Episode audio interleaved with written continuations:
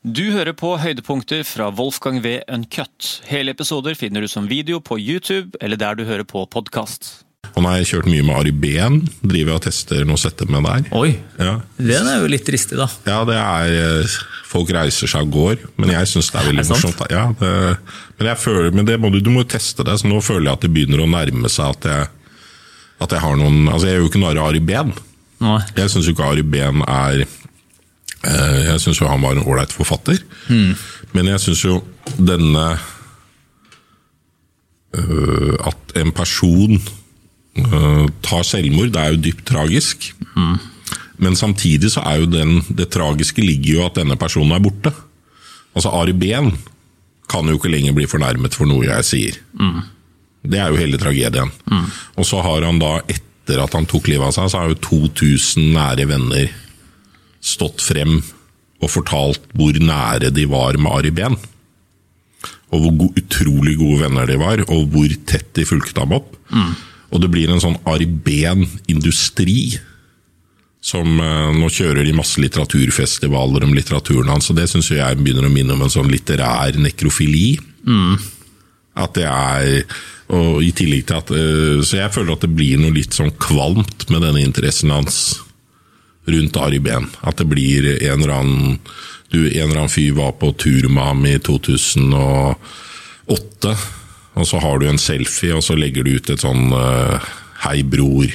Eller enda verre moren hans, som hele tiden er i Se og Hør og forteller om eh, bruddet med Ari Behn og hvor mye. Og så kan man da si at burde man ikke holde seg unna det, da? Eh, og jeg holder meg unna det i den forstand at jeg har ikke noe behov for å gjøre narr av Ari Behn. Men den industrien rundt det, den syns jeg er eh, eh, verdt å kommentere da, og ta opp. For, for hva sier det om oss? Det er en eh, eh, Ja, den syns jeg er eh, Hvis du først bringer noe inn i offentligheten, der er jeg beinhard. Eh, altså, da bringer du det inn i offentligheten. Da får du tåle motstemmer. Absolutt, helt enig. Ja, at da, da er jeg, og det, er, og det må jeg tåle. Mm. så jeg må jo bare tåle at noen syns det er for langt, og at eh, de går, eller at de syns det er for drøyt. Men jeg forbeholder meg retten til å, å da være motstormstemme, i tillegg til at det er eh, jeg synes det er paradoksalt, for at Ari Behn var jo en person som alle, eller veldig mange, lo av ham mens han levde. Ja, jeg husker det. Det er det, som er, ja, det, er det som er så utrolig rart med hele den Ja. der eh, ja, Han var, jo, han var jo en komisk figur, ikke sant? Og, og der ligger kanskje tragedien hans. At han hadde Og det husker jeg tenkte når jeg leste 'Trist som faen', for det var jo definitivt altså Den første boka hans var definitivt den beste boka hans. Eh, og så ble han da en del av kongehuset og et sånt fantastisk sirkus. Og der ligger jo tragedien til Ari Behn, tror jeg. At han valgte sirkuset fremfor litteraturen, hvis jeg skal eh, si noe. Og, og etter hans død så fortsetter bare det sirkuset. Så jeg vil jo hevde at jeg ikke gjør narr av Ari Behn, altså jeg gjør narr av sirkuset. Og det jeg tror kanskje drepte ham, da. Mm, du tror det, ja? Ja, altså det, det aner jeg jo ikke, det blir, det, det blir jo en spekulasjon. Men i hvert fall når man først da bringer det til torgs da, og sier at dette skal være offentlig Før så har vi jo hatt en enighet om at selvmord kan smitte. ja kan Derfor, derfor skal vi være veldig varsomme med det. Og nå er jo trenden blitt eh, det motsatte, at man sier at selvmord eh, eh, skal man være veldig offentlig om. Og gitt sosiale medier og, sånne, og ryktespredning, så er det like greit å få det ut, og folk må kunne snakke om det. Vi, men hvis vi først skal kunne snakke om det, så må vi kunne snakke om både eh, plussene og minusene. Og vi må også ha med humoren. Hvis ikke så blir altså debatter uten humor blir helt uutholdelig for meg. Ja. Var det ikke litt det med også at mediene var sånn, gjorde at en sånn hakkekylling elska å skrive eh, mer og mer om han på, sånn, eh, på drite han ut, da, som du egentlig var inne på i sted her. Og altså- så, og så er det den eh, unisone hyllesten Mhm. eh, hvor alle plutselig Det er alle de som har gjort narr av ham, og alle de som har, liksom, skrevet ting og tang. og eh, plutselig er helt på andre siden. da, At det er liksom den geniale mannen. og Så kunne du sikkert google deg tilbake til flere artikler som bare er sånn utrolig kjipe greier. Ja, og det, jeg, jeg tenker Det er nok et element av dårlig samvittighet her.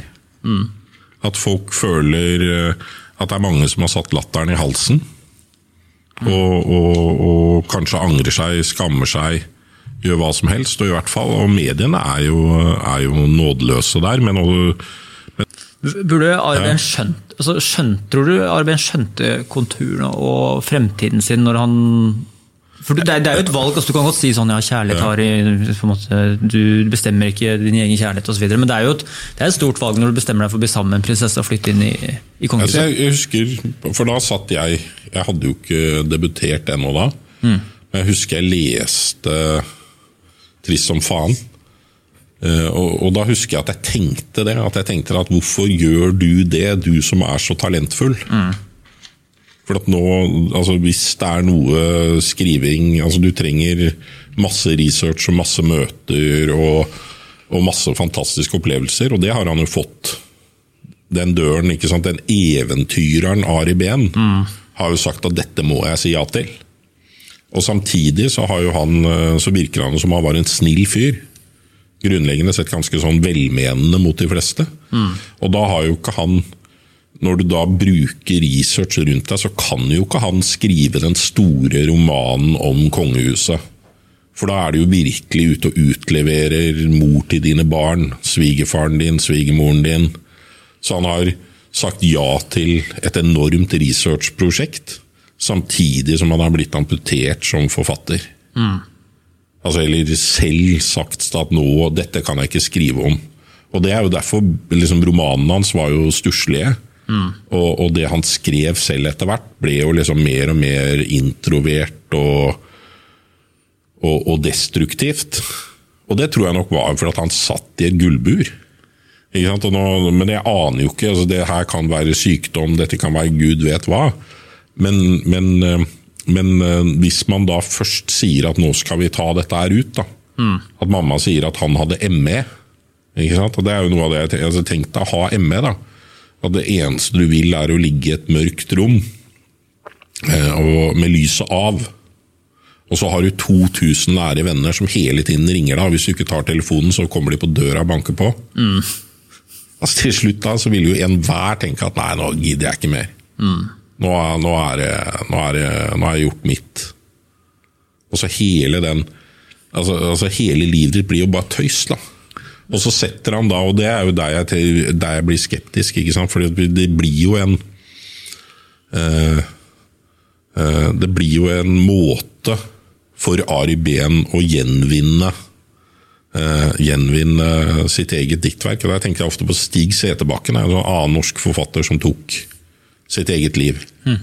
Og Han skrev jo veldig dystre bøker, hvor han hele tiden skrev om til sin siste jeg vet ikke om det var siste, men En av romanene hans handler i hvert fall om en forfatter som tenker på å ta livet sitt.